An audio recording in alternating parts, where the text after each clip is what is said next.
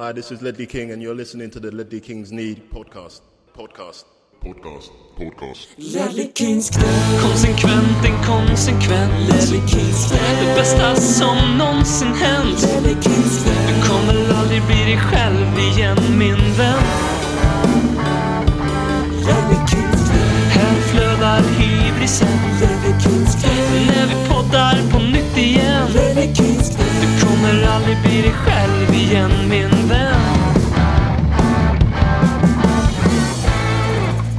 lyssnar på ännu ett avsnitt av den värmländska radioteatern Ledley Kings knä. Eh, mitt namn är Per Frykbrant och eh, Håkman och gänget är inte med oss idag för de rappar den här poddens färger i Quisaleta. Eh, se hur det går för dem eh, där. Vi håller alla tummar eh, vi kan men vi förstår ju att de då inte kan ägna sig åt en sån här liten mini-poddelipodd eh, när de är ute och, och i, i, i stora världen. Men, men BM, du är med mig ändå. Det tackar jag för. Ja, alltså det blir så. Är man podden Steven Bergwine så Mm. får man göra de här inhoppen i huvudverksamheten och sätta två på Arsenal-podden på stopptid och ta fjärdeplatsen ifrån dem i... Fast nu brukar vi bli bättre än fyra i Sveriges bästa podcast i och för sig. Men för, för exemplets skull så, så, så är jag Steven Bergwine i poddvärlden och det betyder ju då att den stora scenen hos Dobb den är för stor för BM att beträda. Mm, mm. Jag tänker, vi, eh, det var ju två veckor sedan nu sen, sen senaste avsnittet. Det kommer ju vara så lite nu med Sommarpodden att det kommer kanske inte varje vecka. Och tanken är ju att vi ska försöka hålla någon form av regelbundenhet ändå. Sen exakt hur tät den regelbundenheten är, det kan vi inte svara på ännu. Men vi tänkte i alla fall att vi skulle ha någon veckas break här. Eh, för att det inte brukar hända så mycket när det är Tottenham. Eh, men det var ju helt fel. Vi borde bara fortsätta köra på oss precis som vanligt och kanske börja lägga till extra avsnitt till och med. För det händer så pass mycket nu kring, eh, kring Tottenham. Eh, och vi tänker att vi går igenom det helt enkelt nu. Eh, lite av vad vi missat de här två, två veckorna. Eh, så får vi se vad det här blir för, för typ av avsnitt. Så. Men jag, jag tänkte jag skulle börja ställa dig en fråga, BM, som inte är Tottenham. Men ehm, om jag säger att Darwin Nunes är världens bästa spelare just nu, vad, vad säger du då? Darwin Nunes, Liverpools nya galjonsfigur, då säger jag absolut inte världens bästa spelare. Kanske inte, han är nog inte ens Men, men det, det känns ju så. Det känns ju så. Alltså med tanke på hur... Alltså, jag har aldrig varit med om att någon har blivit så hypad som... Alltså jag får ju Haaland-hypen att, att det var ett blekna jämförelse. Alltså så fort... Det här, var en, det här var en kille som var länkad till Arsenal för några veckor sedan. Några Det, det, sedan. det här är Så- så- fortfarande, det är fortfarande samma snubbe som spelade Almeida för något år sedan va? Exakt. Och nu lyfts upp som att nu när Haaland och Nunes kommer. Det är, liksom, det är giganternas kamp i Premier League. Åh vad vi ska, vara, vi ska skatta oss lyckliga att vi får vara med och, och liksom vara med och se det här. Det, det, de ställer upp det som det är, det är lika med Ronaldo mot Messi. Det är så det framställs nu när Nunes går till Liverpool. Ja, alltså det är ju, du, du är något på spåren där och det, det är ju säkerligen en jättebra värvning. De, tyvärr, för våran del så har ju Liverpool de senaste åren när de har investerat stora pengar så blir det ofta väldigt bra. Men det här är ju den första som jag känner är en alltså ganska tydlig panikreaktion. Eller det är inte panik för det är för hårt men det är en reaktion på något eh, City har gjort. Medan kanske Alisson, verkligen. Salah, till och med van Dijk för de extrema pengarna som de kostade. Det, var mer, det kändes mer kirurgiskt. Det här är trots allt en front trea som fortfarande, även om mannen nu går till, till eh, Bayern München, så är det trots allt fortfarande rätt trångt där med Diaz, eh, Jota och Salah. Och att då pumpa miljarden, 100 miljoner som Klopp satt gjorde av för något år sedan när United värvade Pogba. Mm. Eh, Det känns, känns aggressivt, det känns överilat men det är ju, om vi ska vara seriösa, så är han ju en väldigt spännande 22-åring som har gjort det fruktansvärt bra i, Ja. i Primera Liga. Men jag håller, trots, jag håller med dig, alltså, vi snackar om en miljard för någon som är han ens topp 10 världens bästa anfallare? Alltså, hade någon sagt det för den här övergången, tror du? Som inte håller på Benfica eller Nej, på riktigt, hade någon, sagt det, hade någon sagt det för en månad sedan så hade folk blivit utskattade. Om Arsenal-fans hade sagt det. Ja, jag, jag, tror faktiskt samma, jag tror faktiskt samma sak som det. där. Alltså, det är, Eh, och- Men, men det, är, alltså det, är, det är fortfarande en bra spelare. Han, han, Ja, har väldigt bra track record från, från Portugal och, och att värva från Portugal Två är inte helt, helt fel. Eh, har vi sett på sistone. Men sen får vi se hur, hur bra han kommer vara nu, nu när han får aspa. Det kanske kommer dra ner några procentenheter på hans, eh, på hans prestationer. Så. Men ska, om man ska ge Liverpool lite cred som man får ge så har ju de nu på bara ett halvår eh, liksom egentligen formaterat om sin, sin anfallstrio. För de har varit i ganska mycket samma situation som vi är att Vi har två riktigt bra spelare och vi sitter och ojar oss över hur tusan ska vi kunna klara av och liksom, eh, göra den generationsväxlingen. Och det, det, känns ju ganska bra att sitta och titta på Liverpool här och känna sig att ja, de har löst det problemet på bara ett halvår. Då är det klart som fan vi skulle kunna göra samma sak så tillvida att vi kan hålla oss kvar i Champions League och, och liksom vara var på den nivån. Eh, så det finns ju ingenting som säger att vi behöver här och nu liksom göra, göra den här generationsväxlingen med, med, med Son och Kane som är liksom 29 år bara. Utan det, det, det, är lugnt, vi kan vänta några år för vi kommer ha den här möjligheten som Liverpool har också. Även om vi inte kommer upp på Liverpools nivå. Liksom. Eh, så det är ju, jag, jag, får lite lugn ändå av Liverpools hur de agerar på transfermarknaden det senaste halvåret. Ja, alltså Liverpool är ju, om man ska vara eh, gemytlig och varm kring den här klubben som den här podden numera handlar om. Det är ju kanske vi släpper senare avsnittet men vi har ju blivit rekryterade av Liverpool FC för att de ansåg att det saknades en bra svensk supporterröst kring Liverpool och eh, vi, vi känner att vi står för den mest objektiva rapporteringen om Liverpool i Sverige. Eh, men det är ju att jag, jag, tror att, jag tror att våra eh, poddkamrater möter LFC-podden i detta nu, i Quisaleta. Och vinnaren får Liverpool. Exakt, exakt. Vinnaren får Liverpool. Förloraren får Tottenham. Nej, men det är ju det här att eh, de ger ju mig på något sätt ett litet hopp. För jag vill dra den här igen. Klopp och Pochettino. Tottenham kontra Liverpool. De kom ungefär samtidigt till klubbarna. De sprang ungefär lika snabbt. Vi var ju före upp till toppen och härja. Eh, så kommer vi in i det här ödesåret 18-19 och på, vid nyårsskiftet där så är vi en av de tre stora som det såg ut i England. Eh, vi faller bort och kommer liksom aldrig upp igen före nu då med Conte där man ser någon form av embryo till ett storspurs igen. Medan Liverpool har till deras heder, de har växlat upp gång på gång. Och, alltså, de har inte bara gått från de har ju blivit ett av världens bästa lag och inte kommit ifrån. Eh, och det som är viktigt här att ta med, det är inte att sitta och glorifiera det Liverpool gör. För att de gör ju samma sak som många andra klubbar, eller många, men som en hel del andra klubbar gör som inte är dopade av stater. Eh, men det är ju att de har en sportslig kompetens och de är handlingskraftiga. Och det är lite, lite grann det jag vill se Tottenham efteråt och faktiskt känner nu när Paratici är inne på sin andra sommar. Och vi kommer komma in på det mer, allting som händer kring Tottenham som inte bara är Antonio Conte. Mm. Så börjar det kännas som att vi håller på att bygga en modern storklubb som fungerar som Liverpool. Och det är ju faktiskt en modell man kan härma.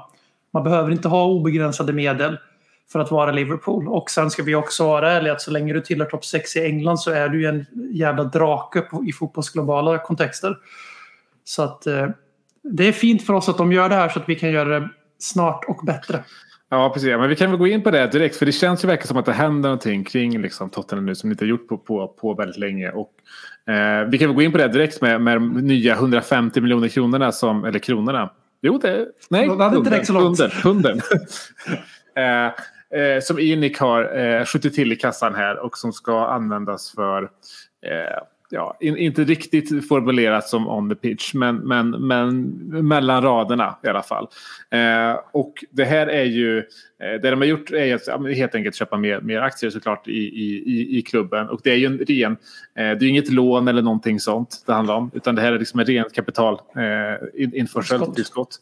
Eh, och eh, är någonting som vi inte har sett alls. De gjorde lite grann när de tog över Inic för 20 år sedan.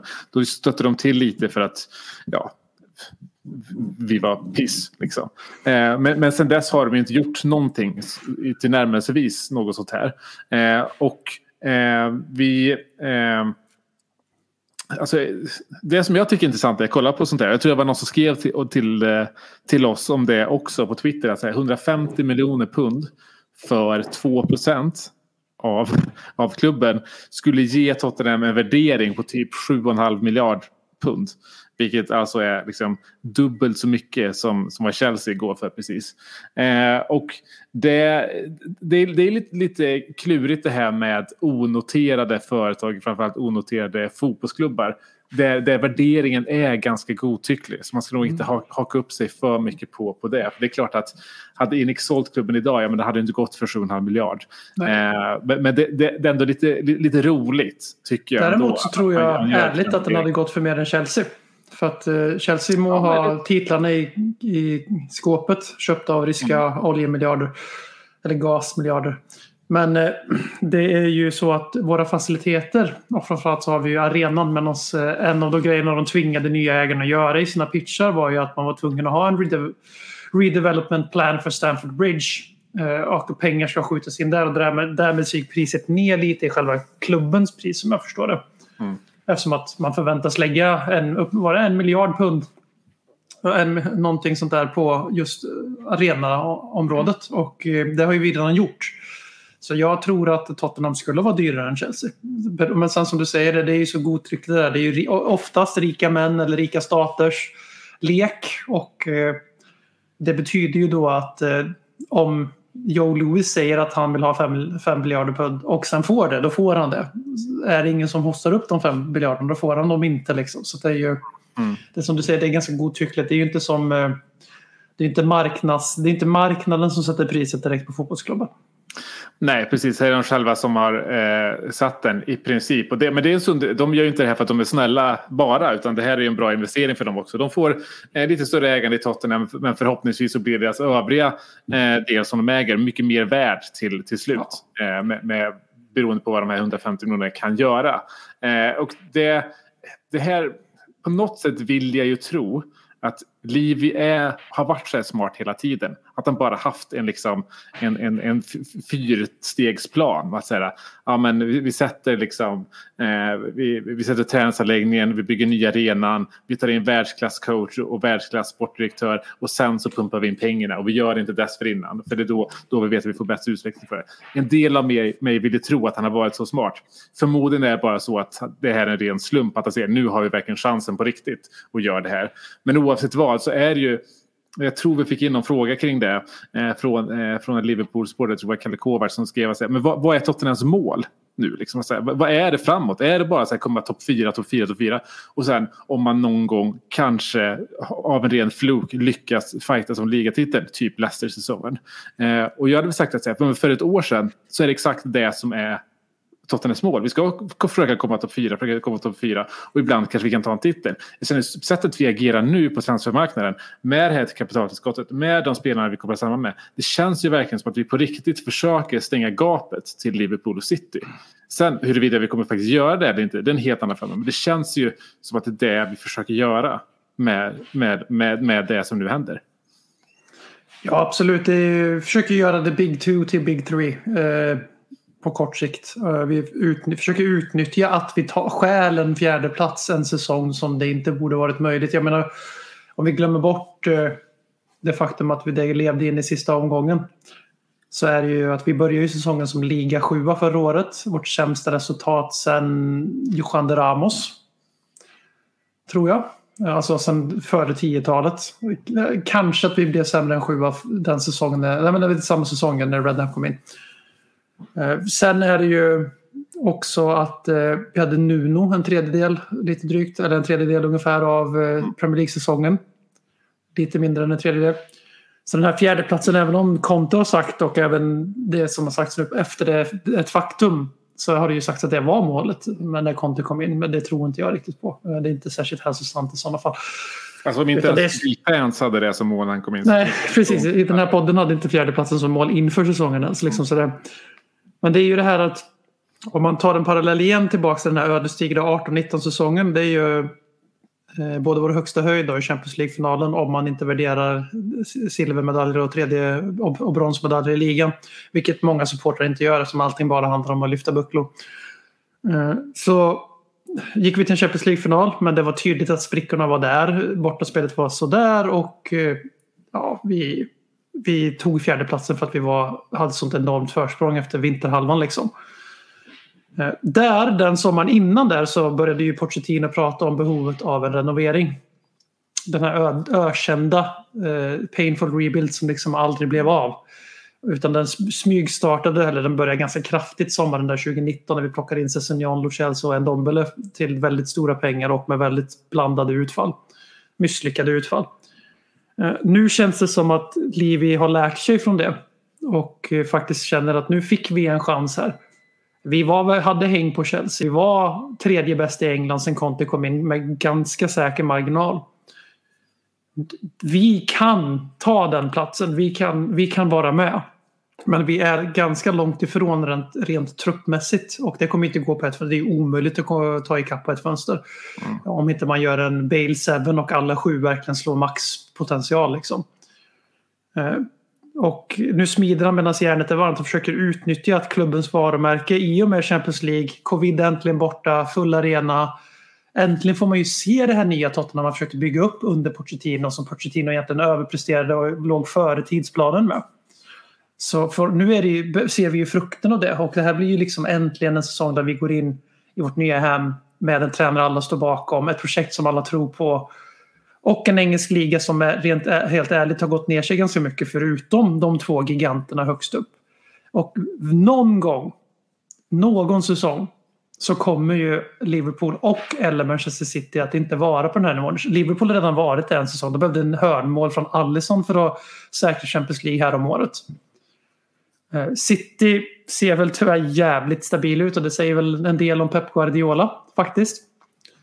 Men någon gång här, någon gång så kommer de inte vara 100 poängslag eller 90 poängslag och då ska vi vara med. Det, det tror jag är den kortsiktiga planen. Sen är det ju otroligt spännande men också lite jobbigt att redan nu behöva tänka att den viktigaste pusselbiten i det här trovärdigheten kommer att vara vem vi ersätter Antonio Conte med. Eftersom att de all, vi är väl alla rörande överens om att gör han mer än nästkommande säsong i Tottenham så är det en, en bonus.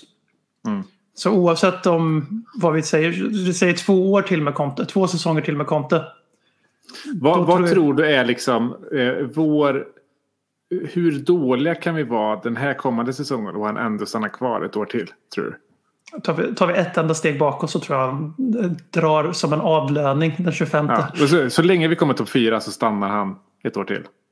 Är det en spaning? Kanske, kanske. Eh, jag eh, tycker att det är så svårt att eh, det är så svårt att utläsa Antonio Conte. Han har varit ganska tydlig med att han inte är en man som tävlar om fjärdeplatsen. Han är inte Arsene Wenger. Vilket är väldigt vackert för så fotboll ska vara i grund och botten.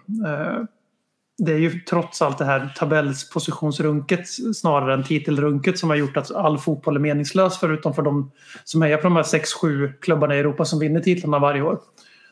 Eh, det är ju Champions League-fieringen av fotboll som har gjort det. Som har skapat det här att en sjunde plats och en fa Cups-titel för Brighton är pissvärt om tio år. Liksom. Eh, Det stämmer ju inte för deras supportrar men för det stora hela. Liksom. Eh, Och Conte är ju på både gott och ont en, en symbol för det. För att en fjärde plats är inte gott nog för honom att tävla om. Men vi som har en liten nykter syn på Tottenhams plats i fotbollens näringskedja. Vi kanske är topp 15 i världen. Men det, vi är fortfarande ganska tydligt sexa i storleksmässigt ekonomiskt. Eller nej, vi är nog fan med uppe och snosar på femteplatsen nu ekonomiskt med Arsenal där. Eh, Och jag vet inte fan om jag, jag har svårt att se honom. Vi blev fyra igen. Vi var 15 poäng efter City och Liverpool igen. Ah, vet inte fan. Lockar det verkligen jättemycket för honom att vara kvar då? Det beror ju så självklart på vad det finns tillgängligt på marknaden för honom att ta också. Ett Real Madrid exempelvis som ger Ancelotti en sista säsong. Eh, Ja, alltså, jag, jag, jag, tror att, att eh, Conte har ett lite för, lite för oförtjänt Twitter-rykte kring sig. Det har du Eh, helt rätt i. Alltså, jag tänker med, med Inter, anledningen till varför han gick där, han bråkade ju precis som han gjorde under vår säsong här. Så bråkade han ju liksom bara första sommaren i Inter. Liksom. Sen stannade där. Men man kan ju förstå varför han gav upp där. Om du är en Antonio Conte. För då handlar det inte om att ta nästa kliv. Nej, och du har för precis klubben. vunnit ligan. Du har brutit Juventus tio år dominans. Liksom. Exakt. Och, du, och du ska, nu ska klubben nedmonteras. Nu ska vi sälja våra bästa spelare. Och försöka Mm. De hålla säljer, de jämna säljer nivåer. verkligen... Eh, så det kan jag liksom- förstå att en, den typen av tennismänniska kliver av. Så. Jag tror att sådär, o, om, kommer vi fyra nästa år. det ju som att sälja Kane fortfarande och... gör... Ja, men Bara för de som inte har koll på inte det som, de sålde Lukaku och Hakimi. Det är ju som att sälja Kane och, eh, och ska vi ta? Maldini Davis. Ja, exakt. Och ersätta med Dzeko. Liksom. Mm. Typ. Eh, och- Fan vad deppigt. Ja, ja men du, du förstår ju. Det är klart som fan han drar då. Eh, men jag tror att kan vi bara ta de här liksom kli- kliven runt omkring också som vi gör nu. Med att verkligen säga, för det är natt och dag så som vi agerar i det här transferfönstret gentemot de tidigare. Eh, och det har ju också att göra med att det här är Paraticis första sommarfönster egentligen. Eh, för han kom, det var ju första juli han kom i fjol. Framförallt hans första fönster sen han liksom har jobbat i klubben. Det gör en Ja. jävla skillnad. Jämför ditt första år någonstans med ditt andra år efter semestern. När man kan allting och vet rutinerna, vet vilka man kan luta sig mot och sådär. Exakt. Och, eh, fan, man måste vara bra som Paratici nu. För han har ju, eh, eller jag mår bra av att vi har Paratici i alla fall. För det, det, det känns som att, och jag förstår varför Livi och, och, och, och Inik nu skjuter till de här pengarna. För man har aldrig haft så mycket trygghet i att säga, de här personerna kommer göra bra med pengarna. Jag hade inte gett Pochettino 150 miljoner pund. Om jag vet det jag vet faktiskt. nu. Jag, hade älskar honom men nej. Ja. Ja, men du, du, du så se vad han gjorde med 150 miljoner pund 2019. Liksom. Eh, och, och se vad Paratici och Conte har kunnat göra på den här korta tiden med det de har fått. Så. Och nu, nu vad gäller Champions League, jag tror att när vi spelade in senast, jag tror nog inte riktigt fatta vad Champions League innebar för oss i rena trupp, truppbyggarmässigt. Kommer du ihåg hur jag avslutade förra avsnittet? nej. Nej.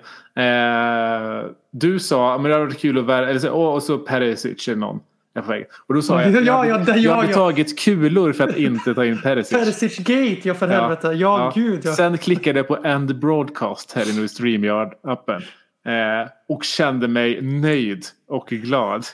Eh, och och det, till mitt försvar till mitt försvar ska jag ju säga att jag tänkte som jag säger, det, det det han som stärker våra ytterbackspositioner.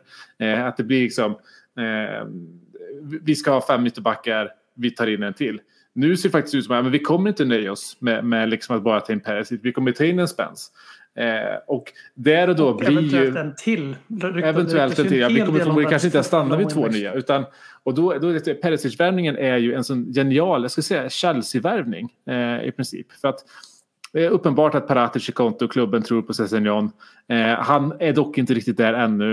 Eh, vi tar in Perisic eh, som kommer kunna gå in där här och nu Serie bästa wingback. Han kan även spela höger wingback. Eh, och så tar vi in eh, Spence på andra kanten. Eh, där kan eh, Doherty täcka som gjort det jättebra. Där kan också Perisic täcka som vi vet kommer göra det jättebra. Eh, så, så det känns ganska, eh, det känns ganska klockren värvning. Eh, och vi behöver fem, eh, fem wingbacks. Och sen så om något år här så har vi Sessignon och Spence. Kanske på varsin kant där som är nya Kyle Walker och Danny Rose. Man får ju lite de vibbarna nu. För det ska bli oerhört intressant att se vad, vad Conte kan göra med, med Jed Spence. Eh, även om det är en lite så här, det är en liten jokervärvning. Det är verkligen en jokervärvning. Jag kan verkligen se hur den blir en superflopp. Eh, men jag, också, jag kan också se det bli en succé. En, en sån, han är en sån atlet. Men han känns också lite klumpig, lite betongfötter. Alltså, lite, han är ju lite Emersonsk, tycker jag. Eh, men han har en helt annan liksom, förmåga att ta sig förbi spelarna. Han, han och- är Emerson, fast, liksom. han, fast offensivt är han bra. Och, så, Ja, men exakt. exakt. De, har, de, har lite samma, de har lite samma icke förtroendegivande eller icke trovärdiga rörelsemönster. Ja, ja men precis. Lite som Bambi på hal is. Väldigt så. Väldigt så. Eh, och sen så när jag känner mig osäker då går jag in och kollar på hans highlights mot Arsenal och så tänker jag fan, inga problem. Det här kommer bli bra. Det här kommer bli bra. Eh, han har, det har ju varit en del eh, frågetecken kring hans attityd eh, och liknande. Eh, och en som inte trodde på honom var ju Neil Warnock. Och vi, vi ska alla lita så mycket som möjligt på, Neil Warnock. Det har vi lärt oss genom åren. Eh, men men eh, rapporter gör ju också gällande att liksom, det, det där ligger i det förflutna. Och det är klart att är du är du så given i starten som han har varit i ett lag som tar sig upp till Premier League. Ja, du är inte kattpiss mentalt heller. Liksom. Nej, och det här är ju en kille som blir utlånad från en rival eller en konkurrent i The Championship. Och utan att jag ska inte låtsas som att han fanns på min radar före nästa säsong började, för det gjorde han inte. Eh, Men, men det är liksom i åtanke att han är så gjuten i Forest startelva eh, som går upp i Premier League. Med, och Middlesbrough gör inte det. Det känns ju osannolikt att han inte visade någon form av talang i Middlesbrough inte ansågs platsa i deras lag. Eh, utan där det finns väl en underliggande orsak och Neil Warnock och hans lilla ordväxling eller vad man ska kalla det, twitterväxling. tyder väl på något sånt också. Men det är också så här, vi, Troy Parrott, våran guldgosse, som har en chattgrupp i Sverige döpt efter sig efter ett inhopp i, som 17-åring i Premier League. Eh, när Son gjorde hattrick och Mourinho tvingade honom att ge bollen till Parrott. Eh, fint minne. Eh, det är ju att eh, de är rätt unga de här grabbarna. Jill Spence är väl 21 och eh, Mm. attitydproblem. Så jag, jag tycker det är jävligt svårt att sitta och spekulera och giss- killgissa om attitydsproblem, inställningsproblem och spelare. Ja, Men jag dra till med fattar affekt. Gissa. Ja, men precis. Men man fattar ju i affekt liksom att det händer. Men annars vill jag säga i regel så här att man tar sig inte till den nivån utan att Men, ha men, någon jag säger, form det av finns mentala. någonting jag kan hålla med. Alltså jag förstår, för det som folk ofta säger om honom, som, som kritiserar honom, är att säga, ja, men han, han, han bevisar sig bara i de stora matcherna. Eh, Och när det är, när det är lite mindre matcher och, och han har, inte har alla blickar på sig, eh, då, då, för några då, då presterar han inte. Ja men typ så. Jag jag tar det gärna Dele Alli på wingback. Ja, men eh, alltså jag kan köpa det om det är så att du är liksom by far bästa spelaren på plan eh, hela tiden. Jag kan köpa att du då inte liksom, jag kan köpa att Messi inte liksom presterar 100% mot Getafe. Match ut match. Eller, eller mot, vad, vad mötte de nu? Estland. Bales, du menar Bales Getafe? Exakt, exakt. Och jag kan, jag kan köpa det då om du är 21-åring. Men att du sen presterar mot de största lagen. Ja, men när du inte längre är givet bäst på plan. Så menar, jag, jag tycker inte att det är attityds... Om, om det är det som är attitydsproblemen verkar det verkar liksom framstå som. Så tänk, också på, tänk också på vem hans tränare kommer vara i Tottenham. Om han har redan den här mentala styrkan att vara som bäst i de stora matcherna. Eh, vilket är någonting som till exempel Harry Kane inte har. Jong Min Son har inte visat sig ha Nej. det. Hugo Lloris är väl gräns... Nej, nu, nu det, det tar tillbaka sig på en gång för vi är ofta utspelade i finalerna. Ja. Eh, det Men Harry en- Kane, Harry Kane är ju sämst när det gäller. Kane, det- Kane är ofta väldigt iskall och Son ska, eh, kanske också orättvis emot men han presterar väl inte så men han, han märks i alla fall. Alltså han försöker, lite som Lamela alltid var en som spelare Ja. som du det är garanti på 110% inställning varje match. Ja, men Kane har ju spelat, vad är det, 15 semifinaler och finaler med för klubb och landslag och inte presterat en enda match av dem. I stort sett. Och eh, Conte kommer ju att slå det ur den här killen. Eh, litterärt talat. Att han, man måste vara på, påslagen varje match för att annars kommer han inte få spela. Eh, och eh, det är väl det, jag, det som ger mig mest förtroende för den här eventuella värvningen. Det är ju helt klart att det sägs vara Conte som driver just namnet Jed Spence. Han har säkert, precis som det funkar, liksom, att han har, fått, han, har, han har fått en lista. Han har säkert fått lämna in en egen lista med spelare som han vill ha. Och sen har han fått en, en svarande lista av Paratici med spelare på varje position. Alltså säkerligen alla 11 positioner, inte bara de identifierade svagheterna. Och att han då slåss för Jed Spence istället för att jaga någon annan. Det ger mig jävligt mycket hopp. För att eh, vi, vi har missat spelare som har gjort det bra i Championship förut. För vi har bråkat om små pengar i sammanhanget. Eller väntat för länge så att Aston Villa har bytt ägare. Och de killarna har flugit ganska bra sen.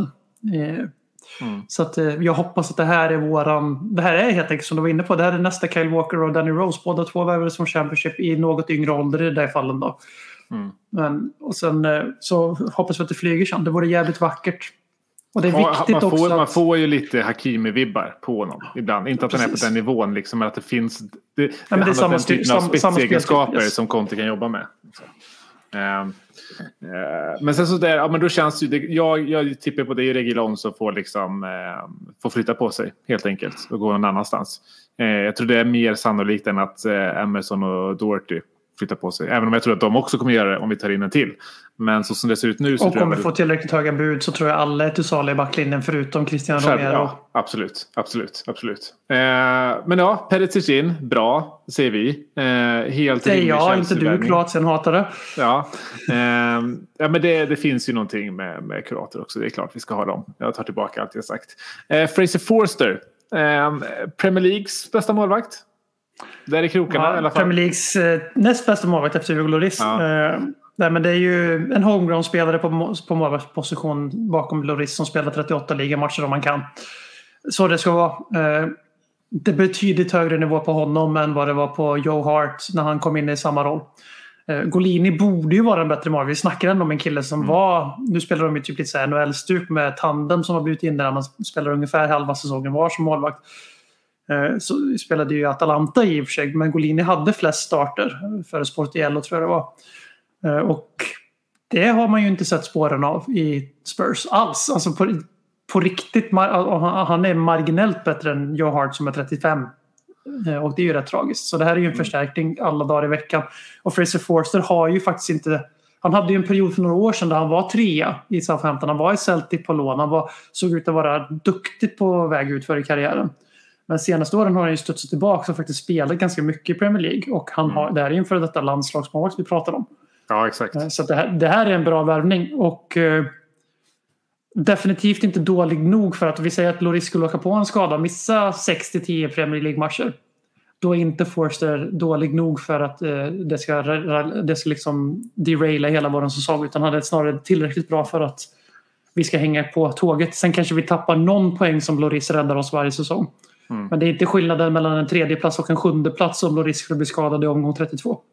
Nej, alltså det, här, det här är ju en ganska given värvning. Eh, som du säger, en ganska, och lite, jag tror vi var inne på det i förra podden också. Men hade det blivit Europa League snarare än, än, än Premier League. Då hade vi nog snarare gått mot en sån som Sam Johnson. För att då kommer vi få stå ännu mer. Nu är det så att ja, men, alltså, Lloris kommer fortfarande få stå i Champions League-platserna. Eller Champions League-matcherna. Ja, ja, Eh, herregud. att då, då, då har vi inte lika stort sånt behov av en eh, alltså lika kapabel andra målvakt. Sen tror jag man ska släppa tanken lite på att ha en, en nu ganska ung Lloris-ersättare. Eh, jag, tror inte vi, vi kom, alltså, jag, tror, jag tror att det är en Fifa-drömvärld man, man lever i då. Det ska Eh, inte stressas fram. Det måste scoutas jättenoga. Och han, måste, han ska helst spela ordinarie hela den här säsongen minst. Och gärna nästa säsong också om han värvas. Och då lånas tillbaka till sin klubb då helt enkelt. Exakt, exakt. Och där har vi ju kopplats ihop lite med Valencias eh, 21-åring där, eh, Giorgio Mamadashvili. Eh, som, Valencia har stora ekonomiska problem så det ryktas om att vi skulle kunna få honom för en billig peng. Och han har ju inte, stått en majoritet av eh, Valencias matcher här under fjolåret i alla fall. Superlång Georgier. Eh, kan inte säga så jättemycket mer om honom. Men det hade ju potentiellt kunnat vara en sån värvning. Annars tror jag väl att, här, att vi ska inte eh, leva i den drömvärvning eller drömvärlden att vi kan ta in liksom, nya Loris som 25-åring och så kommer han växa och vara vår, liksom, eh, vår, vår, vår, vår kapten och eh, skänk från ovan eh, i, i tio år framåt. Utan jag, det kommer nog bli lite hackigt när vi ersätter dem. Det kommer vara en, en, en kapabel 32-åring det kommer, och, så- och sådär. Eh, Mike Magnon till exempel har ju tagit över första spaden i Frankrike eh, nu efter Loris. Eh, kanske han har gjort. Vi får väl se hur mycket Nations League betyder för dem i och för sig. Eh, det hade kunnat vara eh, någonting så. Men eh, ja, tummen upp även för Fraser Forster ser vi i alla fall. Och det var han som eh, nekade Arsenal Champions League också genom att rädda, eller om man ska säga att det var Saka som, som missade i princip öppet mål. Eh, oavsett så är han redan en Tottenham-legendar, Fraser Forster. Eh, ja, men Eriksen, eh, jag tänker säga för eh, Forster och Pesic är, ju- är ju eh, klara. Spence så gott som klar. Den, den ytterligare en som verkar så gott som klar är ju Christian Eriksen som vi var inne på lite också snackade om i förra podden och hur han skulle kunna passa. Eh, och det, den, den känns ju väldigt, alltså den, ja, bortser man från allting sentimentalt kring den så är det ju eh, verkligen den typen av värvning vi behöver göra nu med Champions League. Eh, för att eh, se att vår huvuduppställning är 3-4-3. Eh, och, och, och vår reservuppställning, om vi så ska säga det, är 3-5-2 och behöver lägga in en tia där. Ja, men då kan vi ju inte göra den här, sex- värva den här sexiga brassen. Eh, eller vad vi nu vill. Utan där behöver vi ju någon som kan tänka sig att sitta på bänken när vi spelar huvuduppställningen. Men när vi går på reservuppställningen, komma in och vara den här tian utan någon form av inkörsperiod. Och då kan du inte vara 22-23 år. Du vill inte vara 22-23 för då tar du inte det uppdraget. Men det skulle en Christer Eriksen kunna göra. Plus att vi får hans vapen med fasta situationer. Eh, vi får liksom allting i... i det, det är superlösning att tänka Christian Eriksen. Ja, och sen också så här, jag håller med dig eh, och jag håller med dem som sentimentaliteten. Jag har ju också den här lilla eh, dåliga magkänslan med eh, just det här hälsande.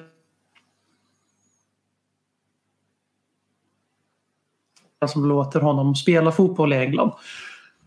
Eh, som det har för mig snarare varit den biten. Framförallt före man såg honom spela igen och han vänjer sig vid att det händer ingenting. Han kommer inte segna ihop igen varje match. Eh, och, men om man bara beskriver Christian Eriksen, om man bara kollar på hans underliggande siffror under hans, och hans poängutdelning och hans fasta situationer och allt det där i Brentford. Och så, säger, och så tar man hans CV och så byter man ut Tottenham med någon annan klubb för, för att dölja att det är Christian Eriksen då.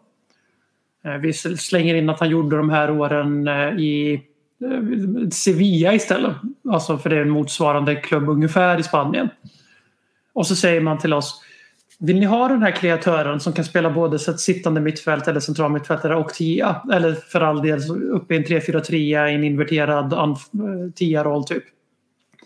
Han kommer, han kommer vara gratis och han kommer ha och han kommer ha, och han kommer ha ett band till klubben. Det är klart som man tar ju honom varje dag i veckan och om vi kan använda inga pengar alls i övergångssummor på Christian Eriksen, Ivan Perisic som är klassspelare trots sin ålder och en backup. Alla de här är över 30 och man blir lite svett över, eh, över framtidsvision här.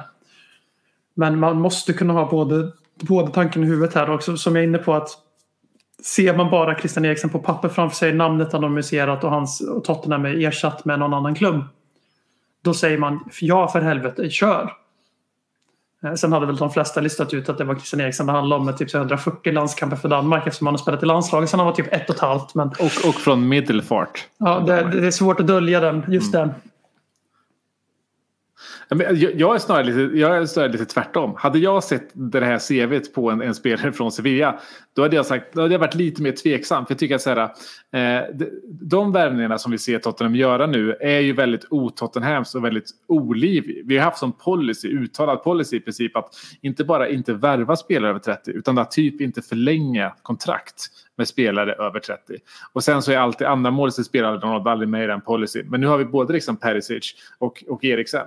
Eh, vanligtvis, jag är väldigt Fifa och FM-skadad, vanligtvis är jag enormt mot den, emot den typen av värvningar. Jag har varit emot Eriksen eh, under våren, jag har varit emot Perisic också bevisligen.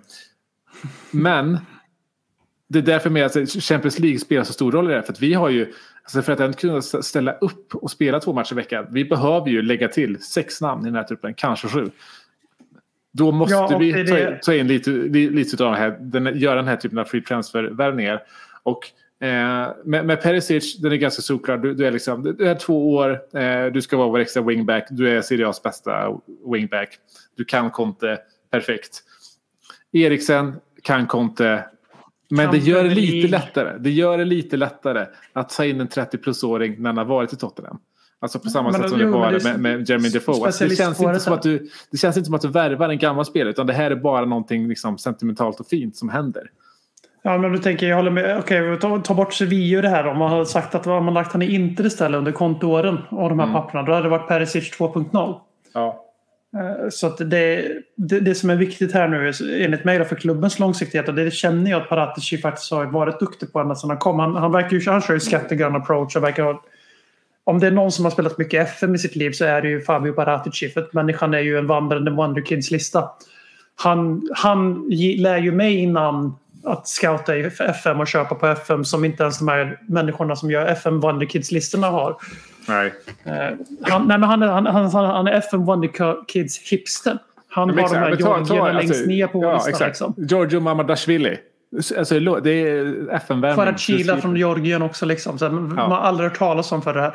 Och det har han ju gjort ganska tydligt redan förra sommaren med Matte Ja, vilket bra landslag eh, Georgien är på väg att få ändå. Ja, det, det, det är de och Irland det kommer stå om om några år. Troy Parrott Ja. och Mikael Obafemi och så. Fan, det är de vi ska hoppas på för att slå Norge i fortsättningen. precis, precis. Nej men att eh, han har kört det spår, spåret förra sommaren och han verkar fortsätta det spåret den här sommaren. För det är jävligt viktigt att vi måste ha en trupp också. Som i all, för vi har Kane som kommer vara 30 när säsongen är slut. Eller fylla 30 på sommaren där. Så- Son som redan är 30, Loris är 35. Och så de här killarna som vi pratar om, det är halva startelvan vi är uppe i helt plötsligt. Och Dyer är inte ung längre. Han har varit här så länge nu, han är inte ung längre. Ben Davis är inte ung. Eh, Romero är ung, Dejan är ung, Bentancur är bra ålder, Höjberg är i bra ålder. Sessignon- Alltså, så vi, det är viktigt att ha båda spåren igång samtidigt. Som, som, Tottenham har ju varit den perfekta FM-klubben ända sedan vi började följa dem, eller i alla fall sen, ända sedan vi började podda om dem.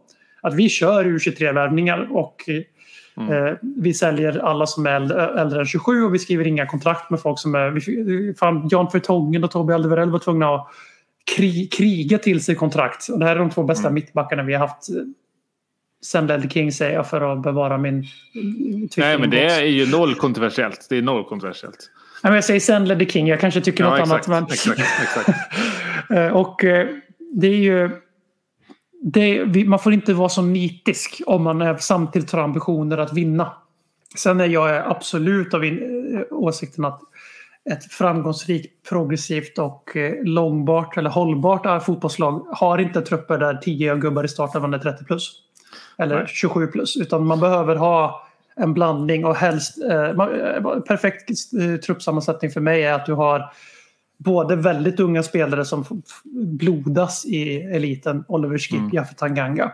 Mm. Perisic och Loris-gubbarna som har varit där, sett allt, gjort allt. Och sen några mitt, och sen liksom prime-ålder och sen lite wonderkids då, som är något längre i processen än, än, eh, än, än en Alfie Devine eller en Dane Scarlett. Liksom. Eh, Och eh, vi, just nu är ju vårt fönster väldigt mycket pensionärshem.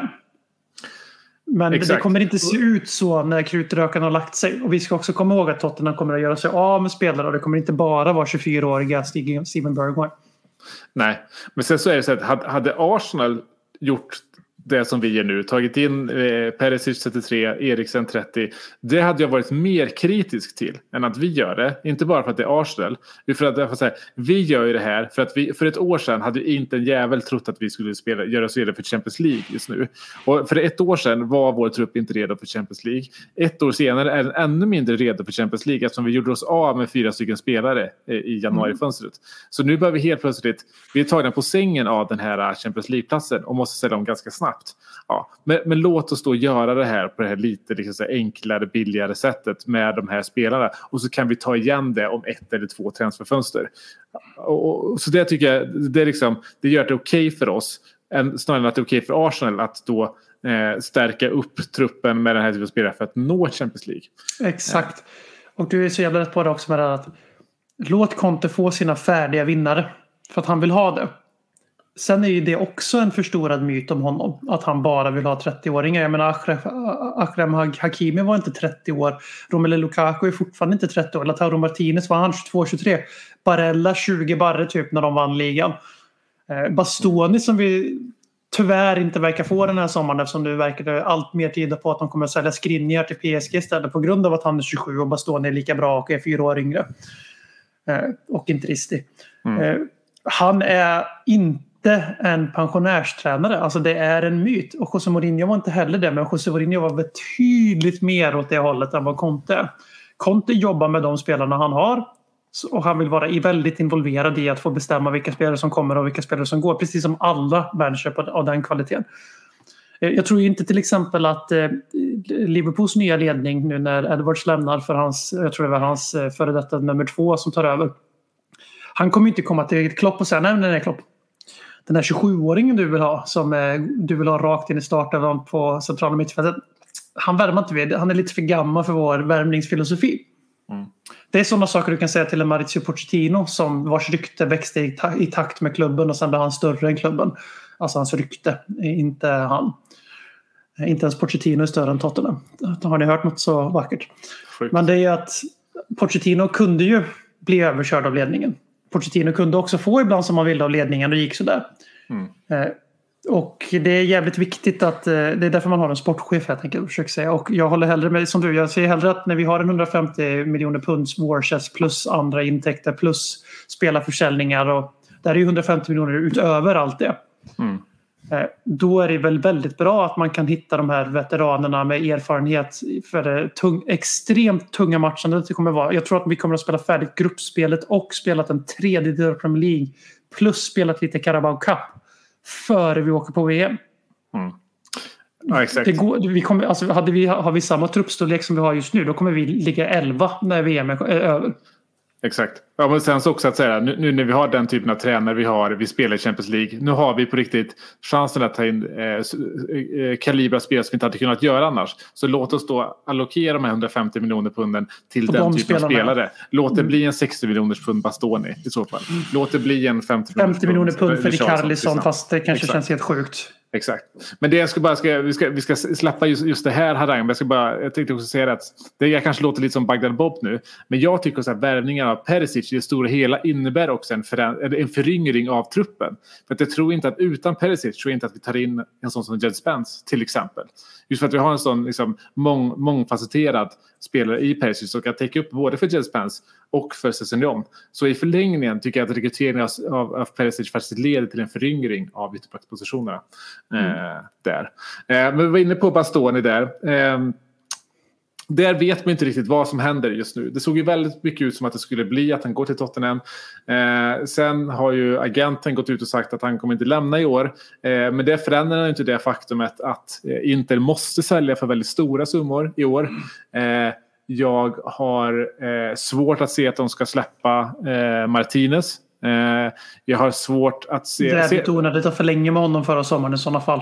För det gjorde de ju som en prestigegrej efter Lukaku. Exakt. Och det, det enda som har pratats om där är att Chelsea skulle vilja ha honom att byta med Lukaku. Men det hjälper ju inte det, det faktum att de måste in med pengar. Sen så har det kommit in snack om att ja, men PSG vill betala sjuka summor för De Vrij. Trots att han bara har ett år kvar på kontraktet.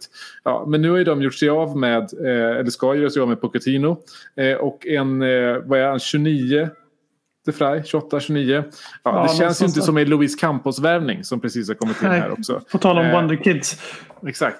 Så att jag, jag, tror, jag, jag, jag har svårt att se även det. Så jag, jag tror inte att det sista ordet är sagt i Bastoni-sagan där. Jag tror inte det är omöjligt att göra med. Det känns ganska mycket som liksom agentsnack också. Och det som har pratats om där är att vi kommer i så fall köra på en, en Bremer tillsammans med en kanske Pau Torres. Och Pau Torres känns ju som den ganska givna ersättaren till, till, eh, till Bastoni eftersom att det, det är väldigt viktigt att vara vänsterfotad i den eh, liksom vänster i backspositionen. Bremer, även om han har spelat på den positionen i Torino så gör han det bättre centralt. Jag ser Bremer mer som en Dyer-ersättare eller som en Davis-ersättare. Liksom. Eh, men jag, det jag tror faktiskt är att så här, eh, antingen köper vi en Bastoni eller så köper vi en Bremer och Torres. Ja, någonting så ja. Eh, Eh, Men just med Bastoni där är väl att PSG sägs ju gå efter skrivningar. Det senaste jag läste var att de har lagt ett ganska lågt bud på honom då relativt sett. Och inte försöker få upp det mystiskt nog till den här summan. Det sägs att vi var beredda att betala för Bastoni. Eh, Problemet i det här är att Skriniar är skadad eller någonting i den stilen om jag minns rätt. Vilket bra. gör att det drar, kommer dra ut på det. Men P, nej, Inter kommer precis som de förra året när de sålde den och Lukaku och Martinez som blev av med först eller fick mest pengar för. Det kommer sluta likadant i år också. Problemet för oss här är att, alltså Bastoni eller Skriniar. Problemet för oss här är att vi kan inte vänta. För att om vi väntar så länge, vilket det kanske är rätt val på lång sikt, att få in en 23-årig landslagsman som är hur bra som helst verkligen. Som också kan Conte, som har van att spela med Perisic utanför sig. Liksom, det här är ju... Eh, skulle Nej, men alltså, nästan för det- bra för att vara sant. Ja, men det det, känns, att det, är- det är olagligt att ha Bastoni och Romero på varsin kant i ett trebacks... ja, Liksom, eh, och då är ju Det- problemet här att då måste vi ha is i magen och vänta ut och se om det kan lösas. Vilket jag fortfarande tror det kan. Mm. Eh, Men då får inte Conte sitt lag på plats före säsongen börjar i stort sett. Nu överdriver det- jag det det tror jag- 3 det tror- juli i sådana fall. Men ja. Men där tror jag vi har tydliga deadlines. Jag tror inte vi låter den. Jag tror inte vi gör som vi alltid har gjort och låter det liksom, eh, gå så långt det behövs. Utan jag tror, Nej. att, jag tror att det finns en ganska skarp deadline där. Eh, Det, det läcker ju rätt mycket kring Tottenham nu för tiden sen Parachi kom. Och Ja. det är ju för att han pratar med så många klubbar och representanter samtidigt. Så att alla läcker för att sätta press på alla. Mm.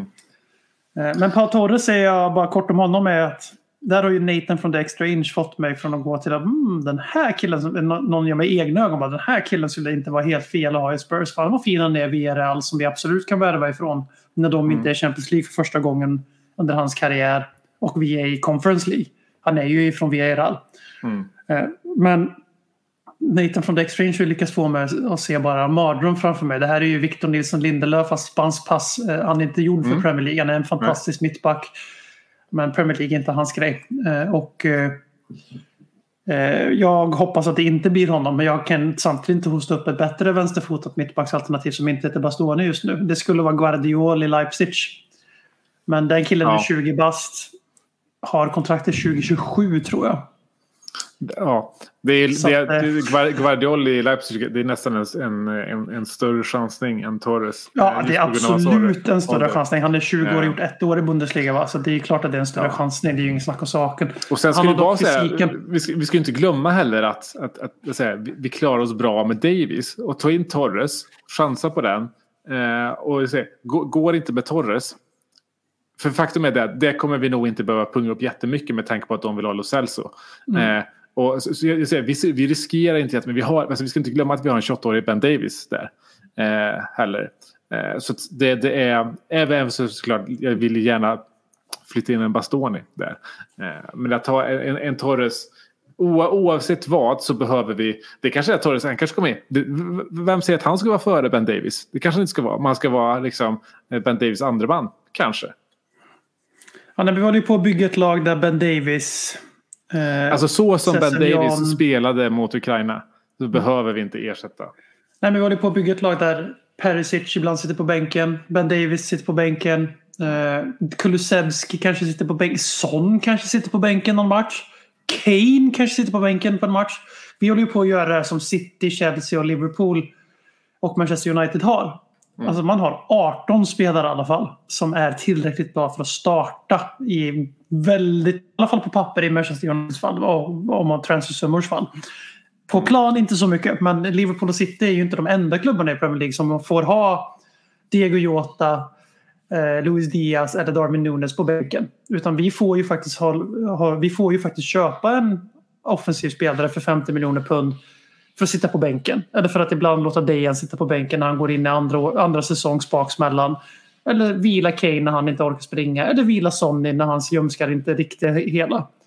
Vi är ju dit vi är på väg. Att våra bänkspelare, våra spetsspelare på bänken är inte Steven Once in a Miracle, Bergwijn eller Lucas Only had a night in Amsterdam Mora. Utan vi försöker bygga ett lag där vi faktiskt har lite klass på bänken. Och tänk dig då i en värld där Ben Davis sitter på bänken. Hur fruktansvärt trygg man skulle känna sig när Romero lägger sig ner eller Dyer lägger sig ner. För man vet att det är Ben Davis som kommer in.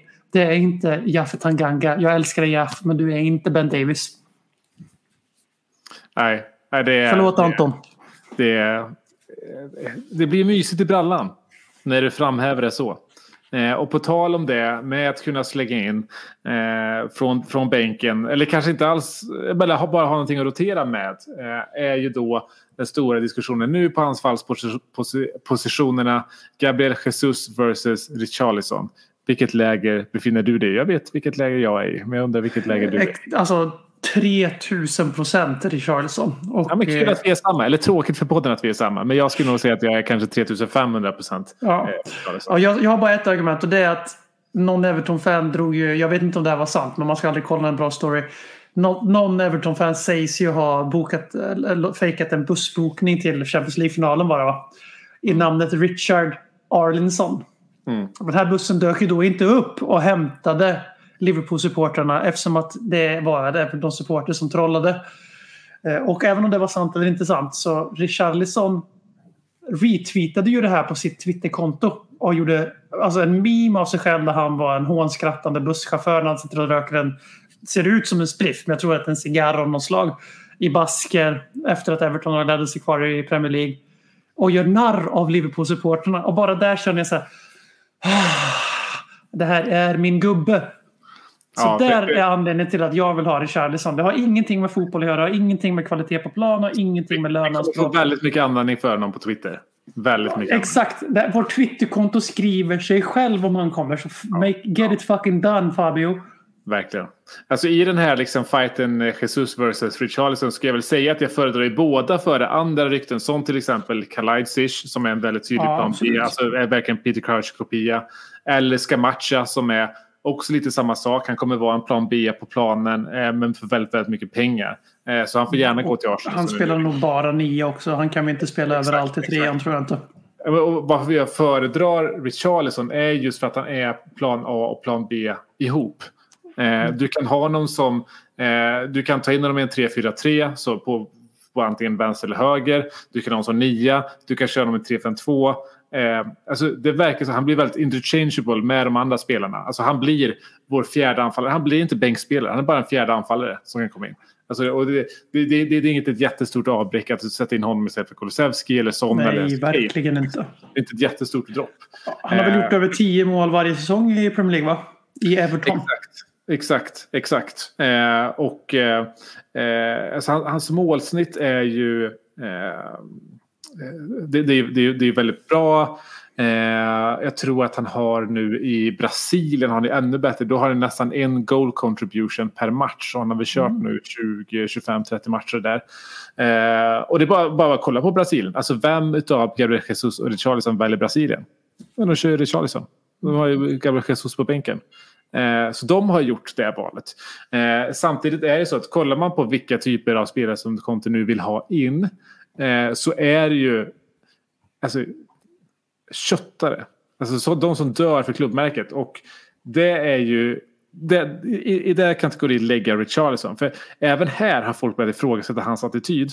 Och jag kan inte se problemen med det. När jag kollade på Everton nu i sluttampen här. Det fanns en spelare som gav allt. Det var Richarlison. och det här, jag har hängt en hel del på deras Reddit under våren. För eh, Dele Alli Reasons. Och han är ju deras... Alltså det är ju han som... Han är deras De Lamela fast lite mer... De vill ha, alltså fansen, Everton-fansen nu är ju rejält upprörda för att han kommer. Ja, exakt. Så att eh, attitydsproblem my ass. Eh, han, han filmar ibland. Han filmar Exakt. rätt duktigt. Om det då? Eh, Bra. och om, det, om vi ska ha moraliska käpphästar kring det då ska vi kanske inte kanske inte kolla på fotboll längre. För då får vi lägga ner fotbollen då. Eh, för att alla filmar hela jävla tiden. Men jag tror, jag tror att folk, jag tror, han, ser, jag tror att här, folk, han ser ut som en bråksake. Liksom. Han, han, han, han ser ut att vara dum i huvudet. Och så här, ofta har man ju rätt när man ser på någons utseende och dömer dem. Man, men, men, men, men i det här fallet, i Richarlison-fallet, eh, så är det så att det finns en anledning varför alla i Brasilien älskar honom, alla i Everton älskar honom. Eh, det finns... ehm, det finns bra artiklar om liksom hans, hans karaktär, hur han kommit från liksom hans, hans, eh, hans bakgrund och slagit igenom. Jag, tror, nej, jag, jag, eh, det, det, det är verkligen en kontespelare, är det jag vill ha sagt. I det att han, eh, han lämnar allting på planen. Allt. De kan Eh, vara mer och hata varandra också så att det kan bli... Exakt, Exakt. Och sen så bara kolla, men vem är det han ska ersätta? Ja men det är Bergwijn i så fall. Eh, och Bergwijn och Richarlison, lika gamla, kanske skiljer sig några månader. Eh, vem vill du hellre slänga in? Bergwijn eller Richarlison? Richarlison. Exakt, exakt. Om inte Eh. mötte Soyonko i Leicester. Ja. Men det är då det. Det är bara då. Eh, så eh, jag tycker ja, det, det är en no-brainer. Gabriel Jesus säger att jag har gärna honom eh, hellre än de här andra namnen vi nämnde. Men han kan ju inte vara den här ensamma nian tycker jag. Även om han har spelat där. Det, där är Richarlison bättre tycker jag. Så att, ehm, nej, jag, jag, jag tycker vi tar ett stort, stort steg framåt om, om, om Richardson kommer in här. Eh, den summan som det snackas mycket om är 50 miljoner pund runt där kring. Eh, Everton ITK säger att de kommer satsa på 65 miljoner. Det gör att jag känner att man kommer kunna landa i en rimlig summa. För jag tror att här, 55 miljoner pund för Richardson låter mycket. Men, men, men, men kolla runt om i, i England, kolla runt om i Europa. Kan du få en likvärdig eller bättre spelare för den summan? Nej. Inte som är bevisad i Premier League, nej. Eh, Ta inte. Scamacca ska ju gå för 70 miljoner euro. Eller vad det är. Enda anledningen vi skulle kunna få honom billigare är för att Italien ligger lite efter ekonomiskt eh, i Premier League. Då. Eh, men ja, då är ju också så här, han är nia. Han kommer, han kommer vara jättetydlig andra fiol till Kane. Och Kane byter vi inte ens ut i matcher. Utan när Kane spelar så spelar Kane. Främst som vi inte haft några alternativ kanske. Men jag känner ju hierarkin i vårt lag är ganska tydligt. Behöver vi göra en förändring med 30 minuter då ryker Dejan först. Är det efter 75 då ryker Son. Sk- när ska vi byta? Vi byter bara av Kane när vi leder med två, tre bollar. Så vi då slösar 50 miljoner euro ish på Skamaka. För att han ska sitta där på... Och varför skulle han gå till oss som 23-åring som etablerar sig? Han har haft en ganska bråk, brokig karriär, den gode Skamaka. Han är ju Ja. den fantastiska talangfabriken Sassuolo som har en helt sjukt rövargäng med talangen. Varför ska han kasta bort det för att sitta på våran bänk? Precis som Jesus. Varför skulle han komma till Tottenham och sitta på bänken hos oss oftare. Ja, nej, exakt. exakt. När han, enda anledningen till att han lämnar Manchester City är för att han vill spela från start. Mm. Eh, Rikardisson kommer ju självklart också vilja spela från start. Men... Men, fjol än vad Richarlison är. Alltså Ja, Richarlison kan ju på riktigt utmana. Ja, han, han kanske petar Dejan Kulusevski nästa säsong. Dejan är Ja. 22 år. Ja, jag kan absolut se någon Peterson i flera matcher också. Alltså Ja. för det, det, det är inte ett jättestort kliv ner. Och det jag tycker också som jag sa, alltså med, med, med Kalajdzic, med Skamacha, det är sådana liksom, det är Lorente plan B. Det gör att du kommer precis. inte byta in dem istället för en Harry Kane eller istället för en Jong Min Son. Det kommer alltid vara plan B. Ja. Eh, men med Richarlison, du byter inte spelsystem från början. Han kan gå rakt in när det som, nu, så som nuvarande är. Så att jag... Eh, jag, hopp, jag, verkar, jag, jag är taggad på det här. Och tänk om det här värvningen skulle funka. Tänk om han blir bra. Tänk om det blir liksom Dejan bra. Som det ändå, har blivit- eller tänk om det blir Bentancourt bra. Som inte är lika bra som Dejan bra, men ändå bra. Då har vi ju faktiskt... Eller tänk om det blir Romero bra, som jag skulle ha så att jag tar det för givet. Ja, men då har vi ju redan där ersättaren till en av Son och Kane. Då är vi den klar. Då har vi bara en av dem kvar sen. Alltså det är, jag, jag, jag, jag, jag tycker att det är en, en no-brainer om vi har möjlighet. Och det är ju faktiskt bara Evertons ekonomiska situation som gör att vi har möjlighet att ta in honom för de summorna. För hade inte de haft det och hade de kommit tia den här säsongen, ja, men då hade man behövt punga upp 8 miljoner pund. Det sägs att de tackade nej för, till något liknande förra sommaren från Barcelona. Eller om det var Vilket två inte skulle förvåna mig alls. Eh, Och det ska också till saken är att eh, Delali var ju gratis för Everton.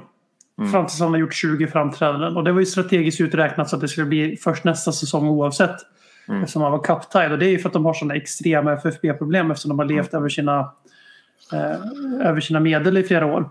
Exakt. Och exakt. sen, eh, sen eh, sägs som ju vara intresserad av Harry Winks också. Och han är ju inte det gratis. skulle passa, nej, det skulle passa dem bra. För det är Delf lämnar. Eh, sen så är det, gud, vem mer? Mm. De har Allan och så har de eh, Allan, Ducore. Kåre. Eh, de har rätt mycket skit mer, bara. Ja, det är någon mer som kommer lämna det. Ja, men det, Inte de, alla, behöver, man de, från behöver ju, eh, de behöver ju inom mittfältare. Så det skriker jag om det. Han är engelsman. Han Mm. är 25-ish.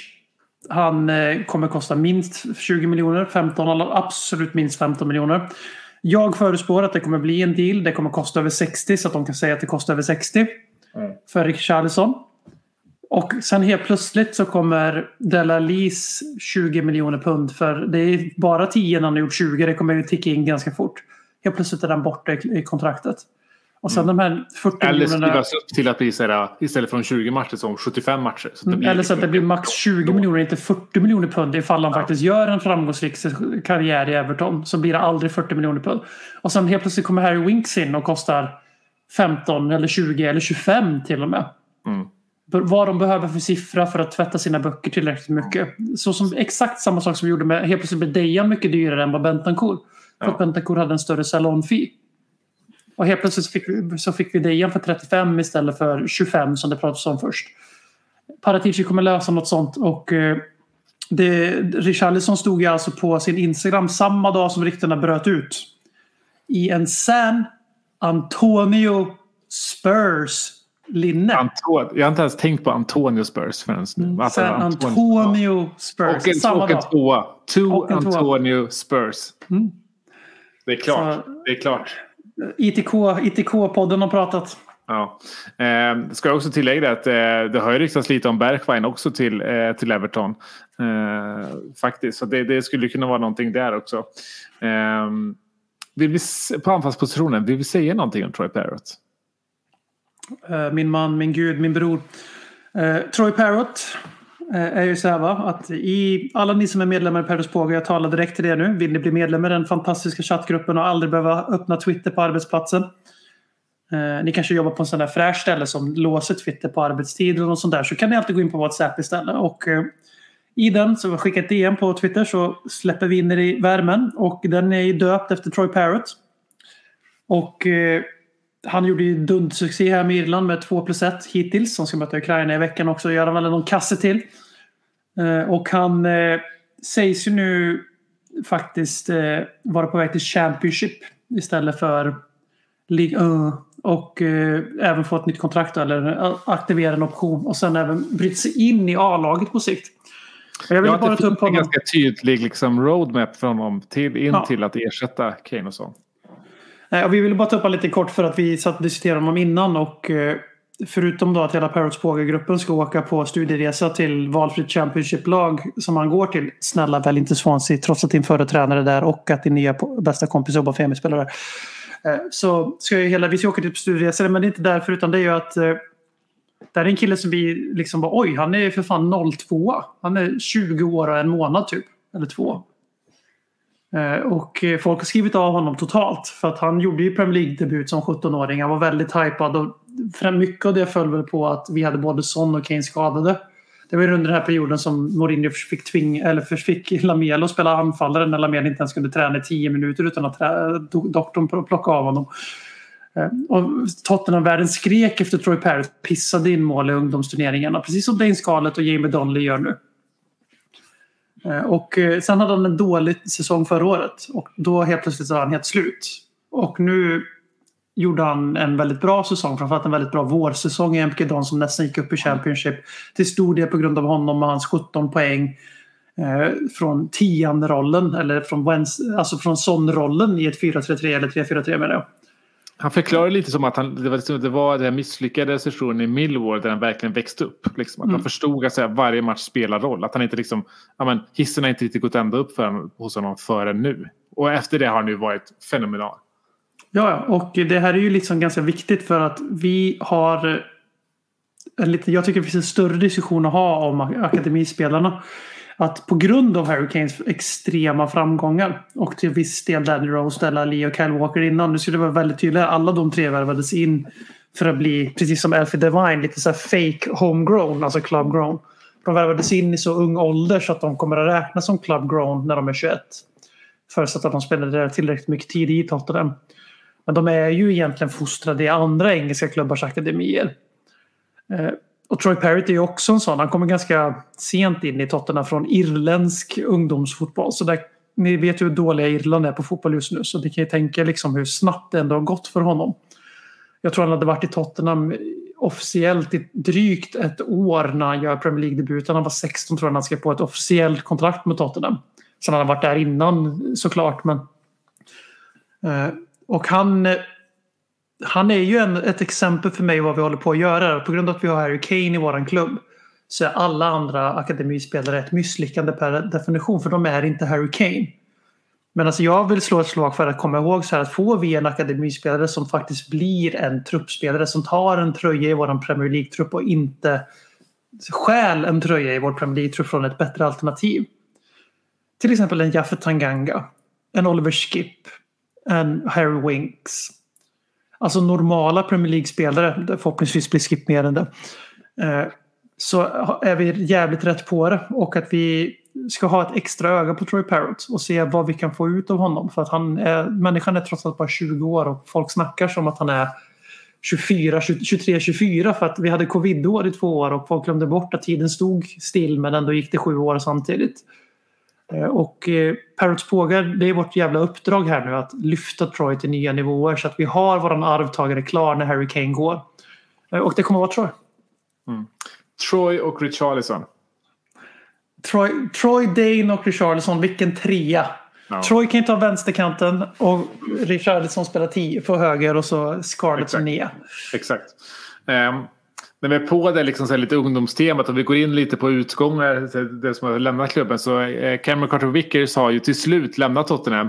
Eh, gått 15 till, år. till Chelsea. Synd tycker jag fattades bara ytterligare 11 säsonger av utlåningar för dem att kunna slå sig in i truppen. Det var Ah. en till spelare som jag bara shit, är han så ung fortfarande? Han känns ju som, eh, jag kommer inte ihåg vem det var nu men Ryan Mason höll ju på att bli en av de här som evigt unga som aldrig blev någonting. Mm. Och i all ärlighet så blev han en ganska medioker akademispelare. Han blev en Premier League-spelare ish. Han höll sig inte kvar särskilt länge. Och det var inte bara på grund av skallskadan. Utan det, han störtdök ner till Hull ganska fort. Precis som Michael Dawson och andra avslutade sina karriärer där. Eh, Men Cameron Carter Wickers är ju 24 och jag kommer tyvärr inte ihåg namnet på, på den här killen. Som jag har för, var inte, han var kanske också lojalt med Mason men det var någon till så här, som alltid hängde sig kvar, var kvar varje sommar, fick alltid ett nytt kontrakt. Men så var han typ 23-24 men tyvärr försvinner namnet nu. Men det är ju i alla fall Cameron Carter Wickers. Här. Han är 24 år nu, äntligen fått spela en hel säsong i någorlunda hög nivå. Championship är väl en okej nivå också. Men, och nu är han alltså såld för 6 miljoner pund minst. Och det är exklusive lånefi, det är exklusive klausuler. Ja, det är ju mirakulös business för någon som har gjort 15 försäsonger som seniorspelare i Tottenham och ändå bara är 24. Ja, jag är förvånad över att, han, att vi ändå kan få ut 10 miljoner pund från honom. Alltså, vi Ja, måste, det är helt- det- det är alltså, jag, helt- jag tror det- så här, i det stora hela måste vi ha fått ganska mycket totalt med tanke på att han varit utlånad eh, sex säsonger eller någonting sånt där. Ja. Och det är liksom ja, en halv till en miljon pund i liksom eh, loan fee per år för honom. Eh, det alltså, alltså, det, det kommer, alltså, Carter Vickers har varit vår kassako de senaste åren. Det det är han som har gjort så att vi har så sjukt bra status i Exakt. Financial Fair Play. Och Exakt, Troy Parrott kan, om inte, om inte Troy Parrott kan bli en bärande A-lagsspelare för Tottenham. Då kanske han kan bli nästa Carter Wickers som blir utlånad nu fyra år i rad. Och så Ja, säljer vi honom för 6 miljoner pund när han är 24 till... Det är det som är passiv inkomst. Ehm, en, en, så- vi, ska, vi har släppt väldigt många akademispelare, vi ska inte gå in på alla det. Men vi ska ju bara säga, ha en liten tyst minut och minnas att eh, eh, det bästa namnet i akademin har försvunnit nu i Dante Casanova. Han är tyvärr inte med oss längre. Det är synd, man hade ju verkligen hoppats på honom med det namnet men han är inte kvar med oss längre. Eh, det har skett lite förändringar i, i eh, liksom ska säga, inte det liksom red på planen utan eh, staffingmässigt. Eh, det vi har, det är egentligen två stycken namn som har kommit in för att ersätta Steve Hitchens, tror jag. Det är inte sagt utåt, men jag tror att man med två, två namn försöker ersätta Hitchens som hade en ganska bred roll. Eh, det ena är från Rangers, Glasgow Rangers, Andy Scolding som var chefscout där, ska bli chefscout hos, hos oss. Eh, det har ju redan, han hade bara varit här i några dagar innan det började ryktas om att även vi är och drar den här Malcolm Ebiovi. Jag vet inte om jag uttalar det rätt. Men som är i Derby County nu, 18-åringar som, som eh, United är och rycker i. Jag tror, ja, det kanske inte har så mycket, ligger så mycket i det. Men, men alltså, han har ju byggt upp något väldigt fantastiskt i, i Glasgow Rangers. Det, det är den stora framgångssagan på de brittiska öarna i år. är ju Glasgow Rangers med den unga truppen. Och ta till exempel ehm, Eh, eh, Calvin Ramsey eh, är väl på väg att, att bli liksom eh, Trent Alexander-Arnolds arvtagare i, i Liverpool. Så han har gjort någonting väldigt bra. Eh, och eh, som har också tagit in från Everton. Och det är vi kanske på andra sidan av det här framgångsspektret på, det, på de brittiska öarna. Eh, Greta Steinsson eh, som Ja, man kanske inte ska nämna Everton, ungdomar och islänningar i samma mening och tycka att det är någonting bra. Eh, men Greta Steinsson eh, är, har ju kommit in som performance director från Everton här och jag tror att de här två tillsammans kommer då ta över det som Steve Hitchens har gjort. Eh, Andy Scolding som, som chefscout för eh, med liksom brittiskt akademifokus lite grann eh, som är det som ehm, eh, Hitchen stöttade eh, Paratici väldigt mycket med i början. Så, eh, och Greta Steinsson blir väl på något sätt, ja vad ska man säga, Nå lite, än, ännu lite mer liksom administrativ eh, roll där. Så. Jag, vet inte, jag vet inte vad vi har, om vi har något på honom. Nej, det har vi väl inte nödvändigtvis. Men eh, det kändes viktigt att befästa det här att det här är inte mannen som är en, enkom ansvarig för Evertons kassa rekryteringspolicy. Och det ska också sägas här att Everton har egentligen haft en ganska väl fungerande akademi fram till några år sedan. Och de har även haft väldigt bra spelare i pipelinen som sedan har ersatts med Moshiris egna idéer och tankar. Eh, Så att det är många som rider ut hans försvar här och pratar om att... Alltså kollar man på Evertons trupp de senaste två åren så börjar väldigt mycket spännande in från akademin där. Alltså det har inte varit på en jätte, jättehög nivå men de har ändå tagit in många Nej, men för att knyta upp Det kan man ju faktiskt säga om oss. Nej men igen till Parrot här så är det inte bara för att det var lite patriotism också, men det är ju så här att en akademispelare som ens tar sig till A-laget är en odiskutabel framgång i Premier League. Ju högre upp i Premier Leagues näringskedja du är desto mer imponerande är du. Mm. Eh, och eh, Everton är ju inte Academy of Football för det är ju West Ham men det finns ju någonting där. Och eh, det här handlar ju mycket om att det viktiga det här är den röda tråden i just Paraticis övertagande av Spurs är att det är ganska tydligt att det är han som styr nu för det börjar hända väldigt mycket runt omkring. Alltså i en sportslig ledning. Det är inte bara Paratici utan nu börjar han även få in sitt folk runt omkring sig. Och det här säger väl också en del om hur dysfunktionellt Pochettino och Levy Spurs var eftersom att det var de två Steve Hitchen. Och nu plockas det in tre, fyra gubbar för att ersätta Steve Hitchen och lite till. Exakt, du ska Så se att gjorde, alltså Steve till- Hitchen gjorde allt och ingenting. Och var direkt involverad i till exempel Steven Bergwijn-värvningen. Ja, exakt, exakt. Så att eh, vi, börjar få, vi börjar få en modern spetsad och handplockad sportslig ledning. Och det är det viktiga att ta med sig härifrån. Precis, förutom de här två namnen så är också Simon Davis som har kommit in. Och det är inte vår Simon Davis. Det är en annan Nej, det är Simon inte våran. Det, det är Ma- Ma- Manchester Citys Simon Davis som har gjort en liten uh, U-sväng i Anderlecht nu. Följer med Vincent Company där. Som, eh, ska vara, hans titel i Tottenham verkar bli, jag vet inte om det här är bekräftat än, men jag tror det är det. Head of Methodology. Eh, så en ganska oklar titel. Men han kommer Ja, stötta Någon akademitränaren. form av liksom. akademi, vis- vision för hela akademin kan jag tänka mig. Ja, Alltså, hur, ska, hur ska. Tottenhams ungdomslag spela? Ja. Vad ska Så vi ha för är- egenskaper Det är väldigt stor, de här, de här rekryterar en ganska stor satsning på hela talangproduktionen. Mm. Eh, som vi inte har. Eh, ja, att det kommer så här många samtidigt, det har vi inte sett det är ett sjok på länge. Även om eh, nu, nu, nu blir det ju flera namn som ersätter ett namn. Så det, man kan ju bara tänka sig att det här ändå är liksom någon form av progression. Ändå. Eh, ja, Ska vi kanske ska vi nöja oss så för, för nu? Det känns som att det finns en, en uppsjö av andra grejer att prata om. Men, eh, men för att vi behöver ju spara lite grejer till, till, till nästkommande poddar också. Vi vet ju inte om det kommer hända så här mycket fram, till- fram tills nästa podd. Där. Nej, men vi säger väl så. Alltså, det är ju... Som sagt, det kommer att komma Ledley Kings knä under sommaren. När och, när, när och hur, det vet vi inte. Det är, någon vecka kanske det blir två avsnitt, någon vecka kanske det blir noll avsnitt. Och, eh, Eh, självklart kommer vi finnas där och gå igenom de stora grejerna. Men just nu är, är ju Tottenham i en tid där väldigt mycket händer. Det är en revolution som sker på Hotspur Way. Eh, och det ska bli väldigt kul att följa. Och eh, var snabba på Richarlison-tröjorna för de kommer säljas som smör i shoppen. Jag tror fan jag ska ha en Richard. Jag, har, jag, jag är ju liksom, jag tycker inte att vuxna män ska ha eh, liksom namn på ryggarna. Jag vet Du att du är, av en annan, du, du, är, du är av en annan uppfattning. Men jag ska nog fan ha en, en, en Richarlison. Jag ska nog fan ha det. För, alltså, när man ser de här liksom fejkade bilderna med Richarlison-namnet på de nya tröjorna. Alltså Richarlison-namnet på de nya tröjorna, det är snyggt. Du ska ha Perisic dock. Jag förstår allt du säger men du ska ha Perisic. Ja, det kanske Det blir. Men det är bara för att Perisic heter Per i story. början. Ja. Ja, för att du heter Per i början. Nej, nej men det, det är för att du måste so- sona för dina synder. Ja, jag vet. Jag vet. Jag vet. Jag, Tänk om tar- Tänk om lyssnarna visste allting Robin säger om spelare vi värvar. alltså, jävla, han är så, i, I podden är han så jävla proper och fin. Men det, det kommer ju en del Danny Rose-liknande eh, vad ska man säga, emfatiska meddelanden från Robin så fort vi kopplar samman med spelare som inte är britter om man säger så i, i vår chatt. Det är mycket, vem fan är det? Jag var tvungen att googla igen och sådär. ja, exakt. exakt. Till exempel Ivan Perisic. Ja, det är sjukt. Det är sjukt. ja, han, han är vår lilla Arsenal-supporter, Robin.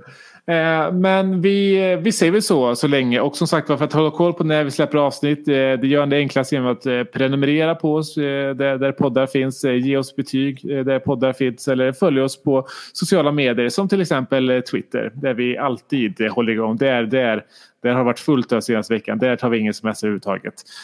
Så på återseende så länge. Ciao! Arrivederci. Konsekvent, inkonsekvent. Det bästa som någonsin hänt.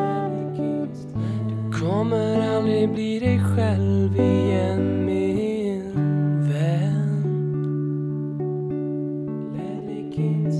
Här flödar hybrisen. När vi poddar på nytt igen kommer aldrig bli dig själv igen